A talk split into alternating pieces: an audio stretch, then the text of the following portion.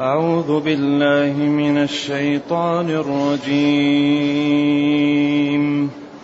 بسم الله الرحمن الرحيم. ألف لام.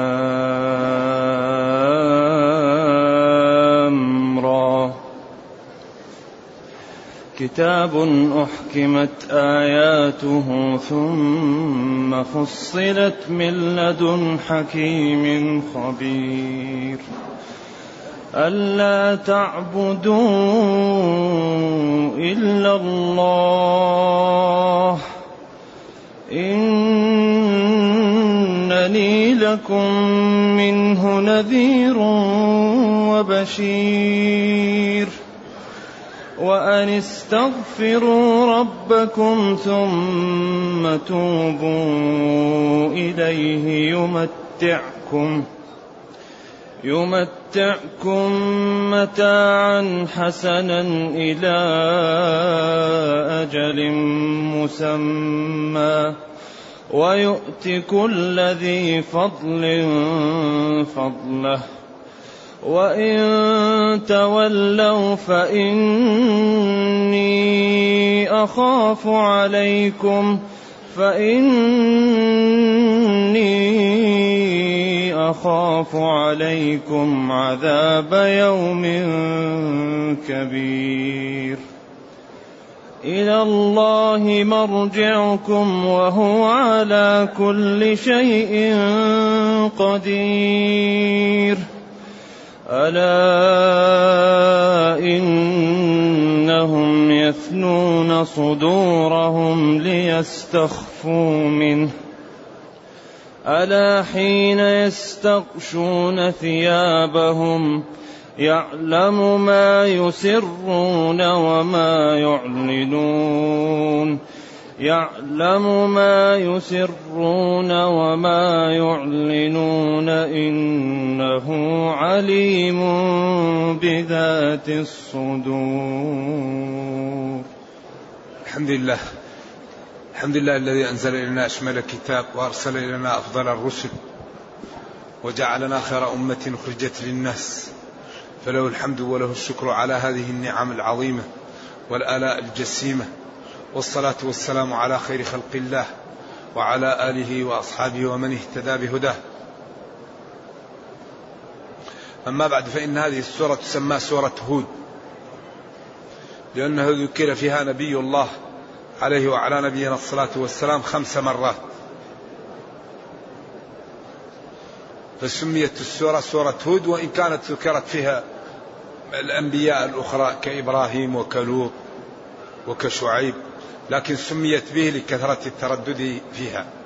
وهي من السور المكية. باتفاق الله ثلاث آيات اختلفوا فيها. والذي يظهر أنها كلها مكية إلا آية وأقم الصلاة طرفي النهار وزلفا. احتمال. والسور من حيث هي منقسمة إلى ثلاثة أقسام. قسم مدني باتفاق وقسم مكي باتفاق وقسم مختلف فيه. والمدني باتفاق كالبقرة وآل عمران والنساء والمائدة والأنفال والتوبة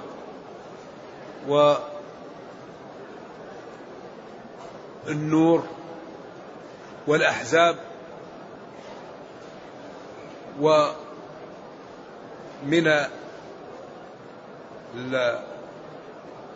الحديد إلى التحريم وإذا جاء نصر الله. هذا ما الخلاف فيه ضعيف. واثنتان وعشرون سورة مختلف فيها والباقي متفق على أنه مكي. مختلف فيه التطفيف والحج والإنسان والمعوذتين والزلزلة والرعد. هذه محل خلاف. والذي يظهر أن السور التي لم ينزل فيها شيء في مكة يقال لها مدنية بلا خلاف إلا القليل. والسور الذي لم ينزل فيها في المدينة إلا قليل يقال لها مكية بلا خلاف. والسور التي نزل بعضها في مكة وبعضها في المدينة هي محل الخلاف كالحج والرعد والإنسان والتطفيف. ومعرفة المكي والمدني لفهم تدرج التشريع ولمعرفة الناسخ من المنسوخ. لأن السور التي نزلت في مكة لا تنسخ الأحكام التي في المدينة لأن النسخ دائما يكون بالمتأخر لأن النسخ هو أن يرفع المتقدم بالمتأخر بخطاب. سورة هود. اتفق. بسم الله الرحمن الرحيم. هل هي آية من الفاتحة؟ أو هي آية مستقلة أو ليست آية من القرآن هذا خلاف لا يحل. وإنما لكل شخص أن يبحث ويختار ما يحلو له ويرفق بالمخالف. لأن من العلماء من قالوا الفاتحة آية من البسملة آية من الفاتحة ومنهم من قالوا البسملة ليست آية من الفاتحة. ومنهم من قالوا البسملة مستقلة. وأحسن ما يقال في هذا أنها في بعض القراءات من القرآن وفي بعض القراءات ليست من القرآن. ويكون هذا جمع بين الأقوال. كالواو من وسارعوا وكالميم من في قوله جنات تجري تحتها الأنهار في سورة التوبة في قراءة المكي جنات تجري من تحتها الأنهار. وهو الله في سورة الحديد. فمن قال من ليست من القرآن نوار إلى تلك القراءة ومن قال هي من القرآن نوار إلى هذه القراءة فكذلك من قال بسم الله الرحمن الرحيم ليست من القرآن نوار إلى قراءة أهل المدينة أو أهل الكوفة مثلا ومن قال الفاتحة من القرآن نوار إلى قراءة بالكثير المكي. ولذلك قالوا وليس للقرآن تعزى البسملة وكونها منه الخلاف نقل أي المخالف. وبعضهم من القراءات نظر وذاك للوفاق حكم معتبر. للوفاق بين الأقوال حكم معتبر وهذا ذكره الحافظ بن حجر في بعض كتبه. لذلك تجد أن الشافعية لأنهم يقرؤون الشافعي لأنه يقرأ بقراءة ابن كثير المكي يجهر ببسم الله الرحمن الرحيم. أما مالك لأنه يقرأ بقراءة نافع أو, أو أبو حنيفة لأنه يقرأ بقراءة أهل العراق يسر ببسم الله الرحمن الرحيم. ولذلك هذا الجمع بين الأقوال والله أعلم وما أوتيتم من العلم فلطالب العلم أن يختار ما يحلو له ويرفق بالمخالف. حفظت شيئا وغابت عنك أشياء. ألف لام را. ألف لام را.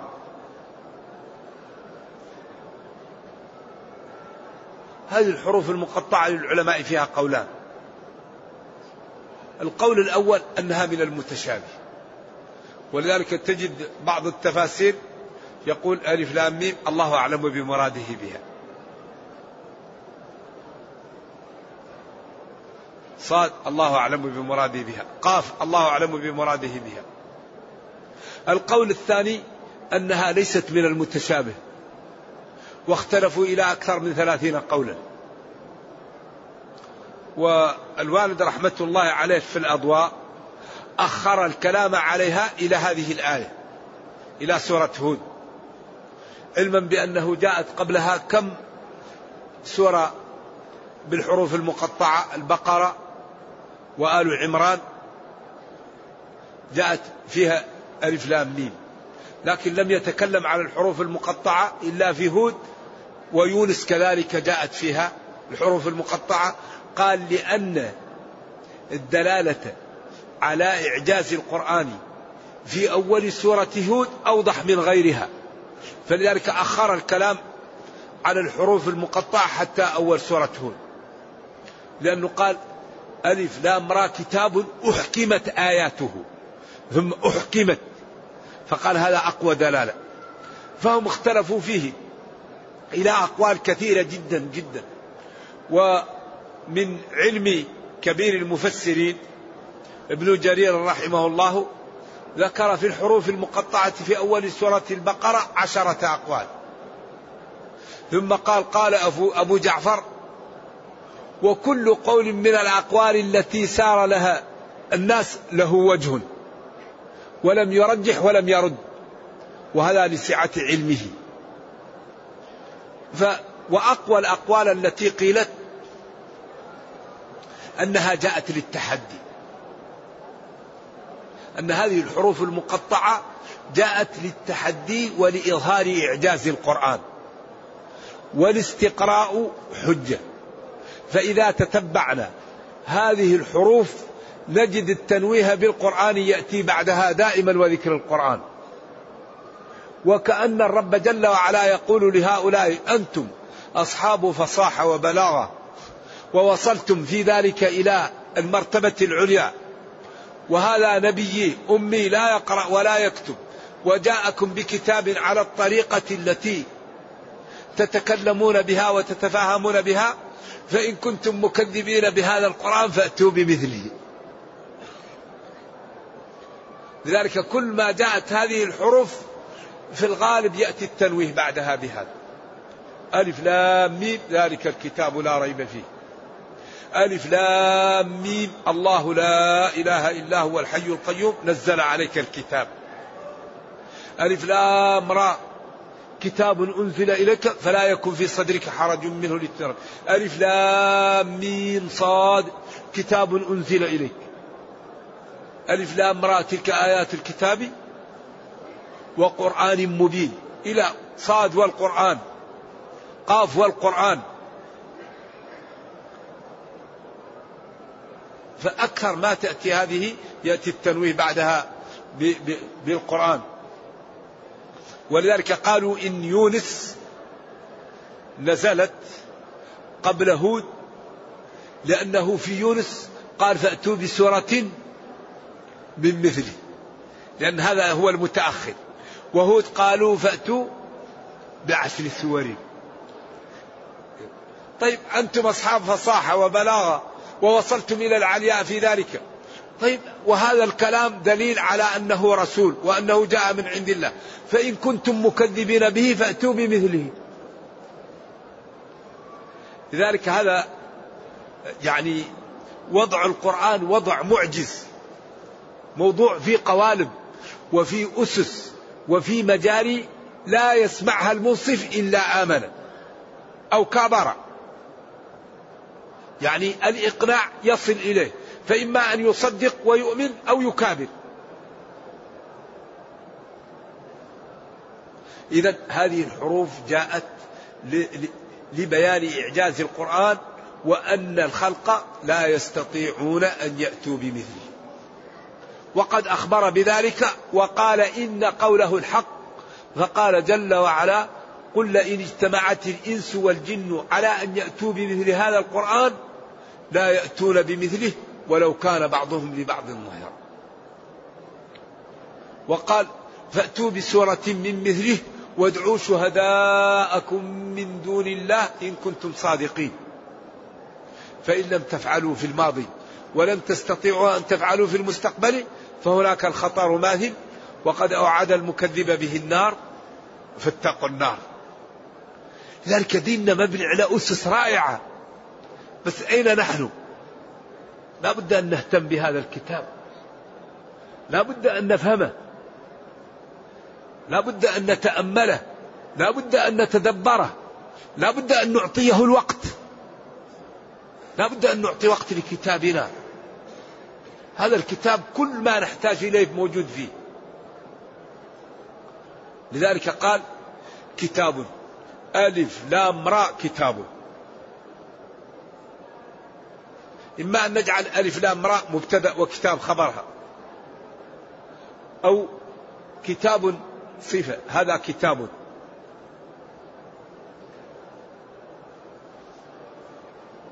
أحكمت. أي كتاب عظيم. كتاب لا يأتيه الباطل. كتاب واجب العمل به. كتاب لا يبلى. كتاب لا يمحى. كتاب لا لا يزاد فيه ولا ينقص. كتاب. ولذلك قال تعالى أولم يكفيهم أنا أنزلنا عليك كتاب أبعد الكتاب يحتاجون شيء؟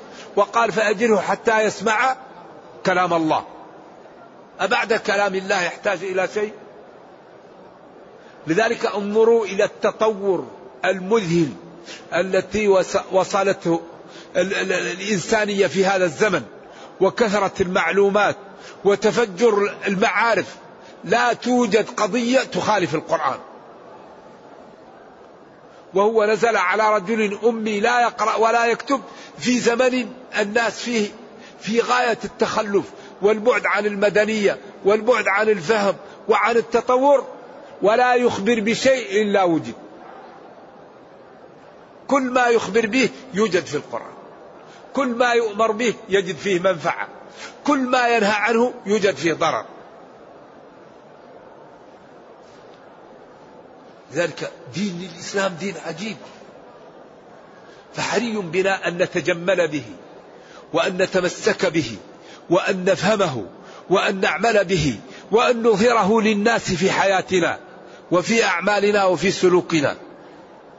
حري بالمسلمين أن يتجملوا بالإسلام ويعملوا به ويتزينوا به ويظهروا أوامره ويعملوا بها ويحذر الناس من نواهيه ويجتنبوها حتى يسعدوا في دنياهم وأخراهم. كتاب أي كتاب عظيم. لا يأتيه الباطل من بين يديه ولا كتاب تبيان لكل شيء. كتاب مأمور بتدبره. كتاب منهي عن هجره. كتاب من تمسك به قد نجا وتمسك بالعروة الوثقى.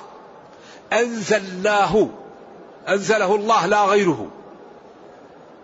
إليك يا نبيي ألف لام را كتاب أحكمت آياته. الإحكام هو الإتقان وعدم وجود الخلل. لذلك أساليب القرآن ثلاثة. يأتي بالأسلوب مضغوط ويأتي بالأسلوب متوسط ويأتي بالأسلوب موسع وكله جميل. وفي غاية من الإقناع. والحسن بحيث إذا سمعها المنصف قال لا إله إلا الله.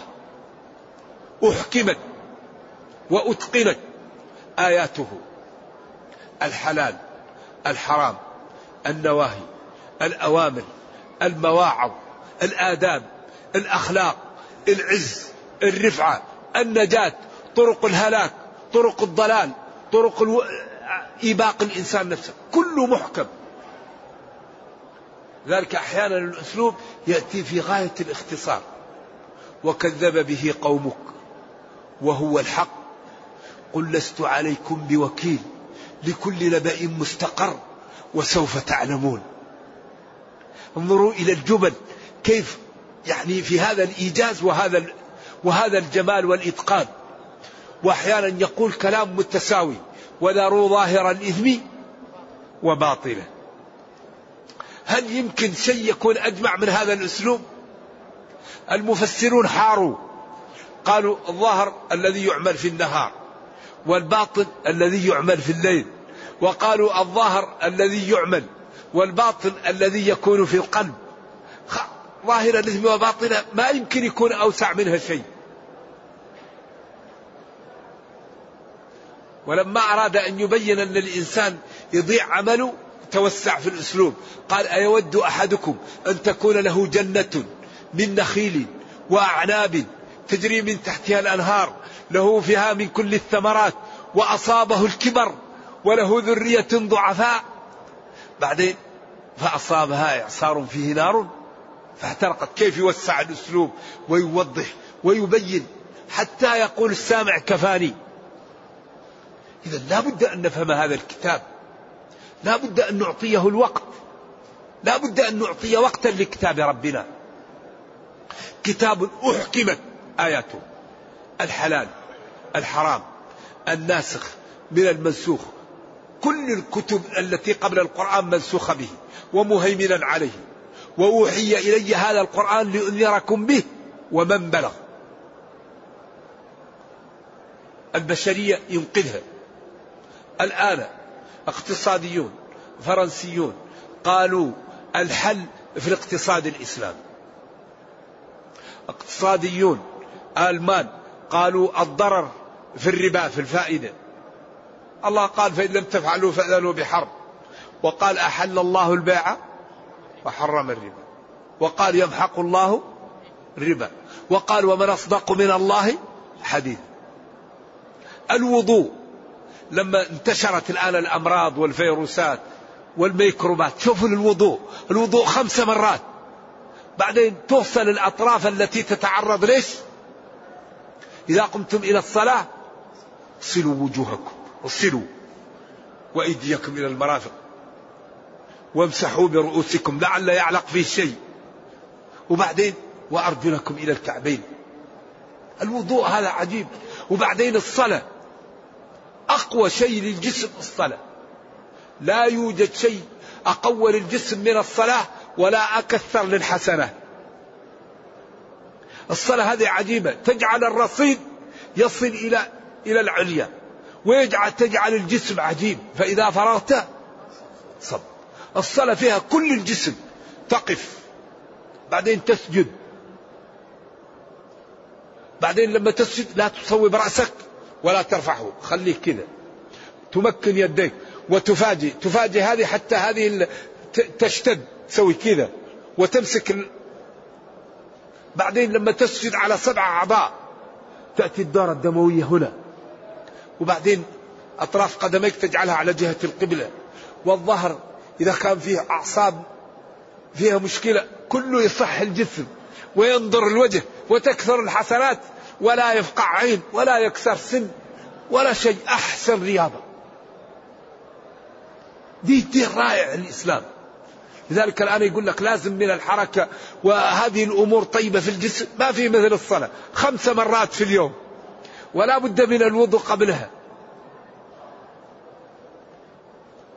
كل شيء ينفع هو موجود في ديننا. أحكمت آياته حلال حرام مكروه. مباح مندوب مبين. طريق العز طريق الذل طريق الجنة طريق النار. وبين أن هذه الدنيا يحكمها قانون إيش؟ قانون؟ قانون المعاوضة. أوفوا بعهدي أوفي بعهدكم. إن الله اشترى. فاستبشروا ببيعكم الذي واحد الآن يأتي لمتجر ويأتي بعربة ويمليها من البضاعة وما يحاسب. ما لا يقول له صاحب المتجر؟ فينك أنت يا أخي؟ حاسبه وحط هذا. طيب اللي يبقى الجنة لازم يشتغل. ليبقى النجاة من النار لازم يشتغل. حجبت الجنة بالمكاره. قال العلماء من اقتحم حجبات المكاره دخل الجنة. غض بصره. كف لسانه كف سمعه صام نهاره قام ليله أكرم والديه أكرم جيرانه. كظم غيظه. من اقتحم حجبات المكاره دخل الجنة. ومن اقتحم حجبات الشهوات دخل جهنم. ينظر كما يحلو له يتكلم كما يحلو له يشرب كما يحلو له ينام كما يحلو له. إذا كل شيء مبين فيه. كتاب أحكمت آياته. أول أمر في المصحف ما هو؟ ما هو أول أمر في المصحف؟ اعبدوا ربكم. أول نهي في المصحف ما هو؟ فلا تجعلوا الله هذا معنى لا إله إلا الله مفرقة بأدلتها عن طريق الإقناع والإنصاف. من هو ربنا الذي نعبد؟ خلقنا وخلق آباءنا وخلق السماء وخلق الأرض وأنزل المطر من السماء وأخرج النبات من الأرض. بعدين فلا تجعلوا لله أندادا والحال أنكم تعلمون أن المذكورات لا يقدر عليها إلا الله. ثم أتى ببرهان محمد رسول الله عن طريق الإقناع والإنصاف وعن طريق مخاطبة العقول النيرة والأحاسيس الجياسة. وإن كنتم في ريب مما نزلنا على عبدنا ما قال فقد كفرتم. فأتوا. تحدي. فإن لم تفعلوا في الماضي ولم تفعلوا في المستقبل فهناك الخطر ماثل وقد أوعد المكذب به النار فاتقوا النار. إذا هو القرآن زي الرمية في البحر. يتخذ دوائر. الله معبود بحق ومحمد صلى الله عليه وسلم مرسل من عند الله ووعد المصدق به الجنة ووعد المكذب به النار. هذه الجمل الثلاثة تتخذ مئات الأشكال. لكن النتيجة هذه الثلاثة أحكمت آياته.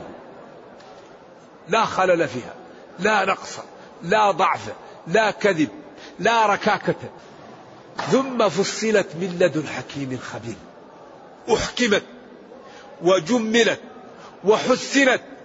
ثم بين فيها الحلال والحرام وكل ما نحتاج إليه. يعني أحكمت يعني جعلت في غاية الإتقان والإحكام. لذلك الأعرابي لما سمع والطور وكتاب مسطور كاد يموت.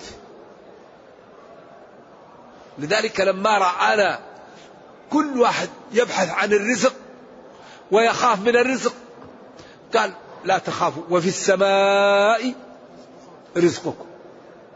خلاص ما يقدر واحد يعتدى على رزقكم. ولا يقدر واحد يصل إليه. إذا اطمئنوا. إيش تخاف؟ رزقك في السماء عند الله. وما توعدون. يعني عند الله. بعدين أقسم عليه جاء بأربعة مؤكدات. لأن ما في واحد يصدق أن رزقه في السماء. ما في منجرة وما في مخرطة وما في مزرعة ولا في دكان في السماء. كل واحد واقع يكذب بهذا. والذي يؤكد الشيء الذي ينكر.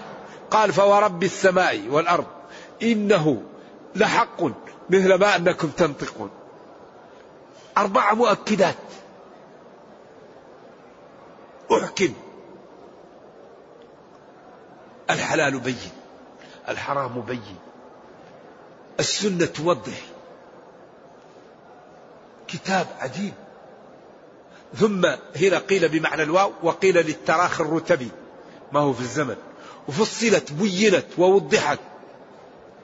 أو نزلت نجوما فصلا بعد فصل. ثم فصلت من لدن أي من عندي حكيم يضع الأمور في مواضعها. خبير لا تسقط من ورقة إلا يعلمها.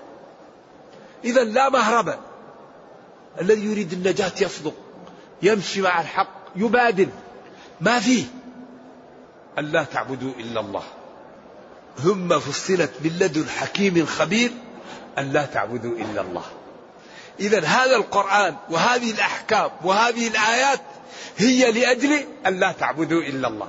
وأول أمر اعبدوا ربكم ولا تجعلوا الله وهي لا تعبدوا إلا الله. والكتاب جاء لا تعبدوا إلا الله. وما من إله إلا إله واحد. فمن يكفر بالطاغوت ويؤمن بالله. إذا كل القرآن قائم على توحيد الله. توحيده في ربوبيته. توحيده في ألوهيته. توحيده في الخوف والرجاء. توحيده في دعائه. توحيده في أسمائه وصفاته. نوحد الله. فنعلم أن كل ما في الكون من الله. قل اللهم مالك الملك تؤتي الملك من تشاء وتنزع الملك وتعز من تشاء وتذل من تشاء. أمره إذا أراد شيئا الذين اصطادوا يوم السبت قال لهم كونوا قردة فتغيرت أشكالهم الذين قالوا لصالح والله لا نؤمن بك حتى تخرج لنا من هذه الناقة من هذه الصخرة ناقة قال اللهم أخرجها تحركت. وخرجت الناقة لما قالوا لموسى آدر وعابوه وقالوا لا يتعرى معكم لأن فيه عيب أخذ الحجر ثوبه وما خرج به حتى صار يقول له ثوبي حجر ويضربه. قادر على كل شيء يجعل الحجر يتكلم ويمشي ويخرج الحي من الحجر. فلذلك ينبغي أن نعبد الله وأن نخاف الله. وأن نوحد الله وأن لا نرجع إلا الله وأن لا نطلب إلا الله وأن نغضب لأجل الله ونرضى لأجل الله فنكون عبيد لله فما أردناه أعطاه الله لنا. أما المغالطة تنتج مغالطة. ما ما ينفع إلا الحق. ما ينفع إلا الصدق. لا ينفع إلا الإيمان لا ينفع إلا العمل. الذي لا يصدق يفتضح. نحن الآن في الدنيا يا إخواني. الحمد لله الآن في الدنيا. والحسنة بعشر أمثالها. ومن تاب تاب الله عليه فلا ينجي إلا الصدق. إذا أن لا تعبدوا إلا الله أن يمكن أن تكون تفسيرية ويمكن أن تكون مصدرية والجملة منصوبة بنزع الخافض أو في محل مفعول به. في محل مفعول به. أي تفسيرية يعني قلنا لهم بمعنى القول وليس فيه حروفه أو تكون مفعول لأجله أو منصوبة بنزع الخافض وكل قريب من بعض. كتاب أحكمت آياته وبينت وأصبحت في غاية من الإتقان لا يعلمها إلا الله. ثم فصلت بينت ووضحت حلال حرام مكروه مندوب مباح. إنني لكم منه أن لا تعبدوا إلا الله. فصلت وبينت لأجل أن توحدوا الله. تعبدوا الله. تطيعوا الله. تفردوا الله. إنني أي النبي صلى الله عليه وسلم لكم أيها المخاطبون منه أي من ربكم نذير مخوف لمن عصاه ولم يستقم مبشر لمن أطاعه بالجنة وصلاح الدنيا والأخرى والفوز. ثم قال وأن استغفروا ربكم. هي نفسها معطوفة على اللي قبلها. استغفروا ربكم. هذا الاستغفار أولا يغني ويعز ويرزق الأولاد ويرضي الله. وأن استغفروا ربكم ثم توبوا إليه يمتعكم. يمتعكم متاعا حسنا. كما قال فقلت استغفروا ربكم. إذا وقال ومن يتق الله ويرزقه. أكبر طريق للرزق الاستقامة. ما الذي يريد أن يكون غنيا يستقيم. يكثر من الاستغفار. ما في شيء أغنى للعبد من أن يستقيم. لكن يستغفر الله ويعمل بالأسباب. لأن عدم عمل بالأسباب تواكل. الإنسان يعمل بالأسباب منها الاستغفار ومنها أيضا القيام بالأسباب. لكن من أكبر الأسباب الاستغفار. فقلت استغفروا ربكم يرسل السماء عليكم وقال وأمر أهلك بالصلاة واصطبر عليها. هنا إعجاز قرآني طيب كيف أنا أعيش وأنا عندي أسرة والصلاة خمسة أوقات وتحتاج للمسجد وتحتاج للوضوء وتحتاج للجماعة وقد يتأخر الإمام وخمس مرات ويضيع الوقت والوقت هو الذي يأتي بالمال. كيف نعيش؟ قالوا لا نسألك رزقا. إيش؟ نحن الله يرزقك. أنت بس أمر أهلك بالصلاة واصطبر عليها والباقي علينا. نحن خلاص. نأتيك بالمال وبالرزق. والله طرق النجاة طرق العز طرق المال طرق العافية هذا كله في كتابنا. وكل مشكلة وراءها معصية. لو الآن تبحث كل مشكلة وراءها المعاصي. عدم نزول المطر الخلاف الفرقة الضعف. كل مشكلة وراءها معصية. من يوم هزيمة المسلمين في أحد وضياع الأندلس وانت جاي كل هذا سبب المعاصي. قل هو من عندي ظهر الفساد في البر والبحر. إذا من أراد العزة ومن أراد الغنى ومن أراد الحماية ومن أراد السعادة فليتقي ربه. الذي يريد شيئا يأتيه من بابه. الذي يتقي الله الله لن يضيعه لأنه عالم. وقادر وكريم. هو عالم لا يخفى عليه شيء إذا اتقى. وكريم يعطي. أجيب دعوة الداعي إذا دعان فليستجيبوا لي. وأمره إذا أراد شيئا أن يقول له فينبغي الحقيقة أن نعمل بطاعة الله ونستقيم على شرع الله. وما أردناه أعطاه الله لنا. إن أردنا مالا أغنانا. وإن أردنا منصبا أعطانا وإن أردنا قوة قوانا وإن عادانا شخص حمانا الله منه. فلنطع الله ولنجتهد في أن نكون عباد لله. وأن استغفروا ربكم. أن هل هي المفسرة أو المصدرية؟ والاستغفار هو طلب الغفران من الله تعالى. ثم توبوا إليه. أرجعوا من ذنوبكم. استغفروه لما مضى وتوبوا من الجديد. استغفروه لما سلف من الذنوب وتوبوا من الجديد. خلوكم ناس صلحاء عباد لله. تخافون الله. تراقبونه. تمتثلون الأوامر. تجتنبون النواهي. وما تريدونه الله يعطيكم إياه. يمتعكم متاعا حسنا. يمتعكم كلام التمتيع هذا جميل إلى أجل مسمى. يمتعكم بالرزق الحلال وبالصحة وبالجاه وبالتيسير وبمحبة في قلوب الناس وبالذكر الحسن وبالغناء إلى أجل مسمى وهو الموت أو إلى البعث أو إلى الجنة.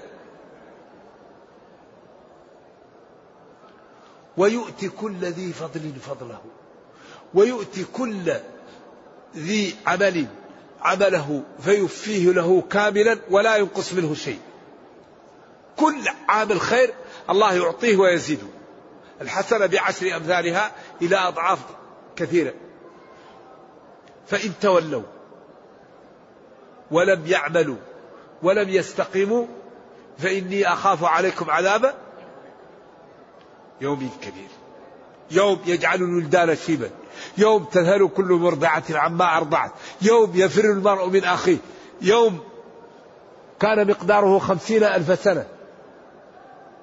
ذلك اليوم الكبير يوم القيامة فالذي لا يستقيم يفتضح في هذا اليوم ويندم في وقت لا ينفع الندم. إلى الله مرجعكم. أي إلى الله رجوعكم يوم القيامة.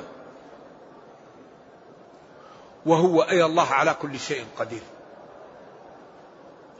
فيهدأ المتقي بالجنة ويحذر المجرم من جهنم. ألا حرف استفتاح؟ إن حرف توكيد. إنهم أي هؤلاء المخاطبون يثنون صدورهم. يثنون الواو هنا اختلفوا فيه. هل المقصود به الكفار وهل الانثناء حقيقي أو معنوي؟ أو المقصود به المتقون ليستخفوا من الله تعالى حينما يأتون الخلاء أو يأتون لأهلهم؟ أو ليستخفوا منه يرون أنهم إذا اختفوا وقالوا كلاما لا يسمعهم؟ أو ليستخفوا منه اللي هو الله أو الرسول صلى الله عليه وسلم؟ إذا الكلام مليء بالمعاني. لأن القرآن حمال بوجوه. أي ألا إنهم يذلون صدرهم إذا قلنا الكفار ليستخفوا من رسول الله صلى الله عليه وسلم. وإذا قلنا إنهم المسلمون ليستخفوا من ربهم فلا يأتون للخلاء وهم عراه ولا يأتون لأهلهم إلا إذا غطوا استحياء من الله. وهذا ورد في حديث صحيح في مسلم. ألا حين ولكن السياق يعني يدل على أن هذا أيضا قد يقصد به المنافقون لأنهم كانوا إذا رأوا النبي صلى الله عليه وسلم يعني استخفوا حتى لا يروه لكي لا يدعوهم للإسلام. الواحد يستخفي ويضع ثوبه عليه ويهصر ظهره حتى لا يراه النبي صلى الله عليه وسلم. ثم بين لهم أن لا مهرب ألا حين ألا وقت يستغشون ثيابهم. الحال الذي هم يستغشون ثيابهم الله جل وعلا يعلم ما يسرون وما يعلنون. إذا لا مهرب. إنه جل وعلا عليم بذات الصدور. الذي يفكر فيه العبد يعلمه. إذا المنجاه من ماذا؟ بالتوبة والإخلاص. نحن الآن في الدنيا. المشكلة أهل القبور يا إخوان. أهل القبور شاهدوا الحقيقة وكفت أيديهم عن العمل. أهل القبور الآن يتمنى واحد يرجع ليقول لا إله إلا الله. يتمنى يرجع ليصلي ركعتين. يتمنى يرجع ليقول رب اغفر لي خطيئتي يوم الدين.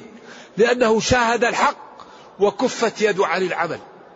أما نحن والحمد لله لا زلنا في الدنيا الحسنة بعشر أمثالها ومن تاب تاب الله عليه وطرق الخير لا تنتهي والإنسان ضعيف ولما كان ضعيفا وركبت فيه الشهوة والضعف جعل كل ما تاب مسح عنه. إن الله يغفر الذنوب إنه هو الغفور الرحيم وأنيبوا إلى ربكم. إذا الله يعلم ما يسرون وما يعلنون إنه جل وعلا عليم بذات الصدور.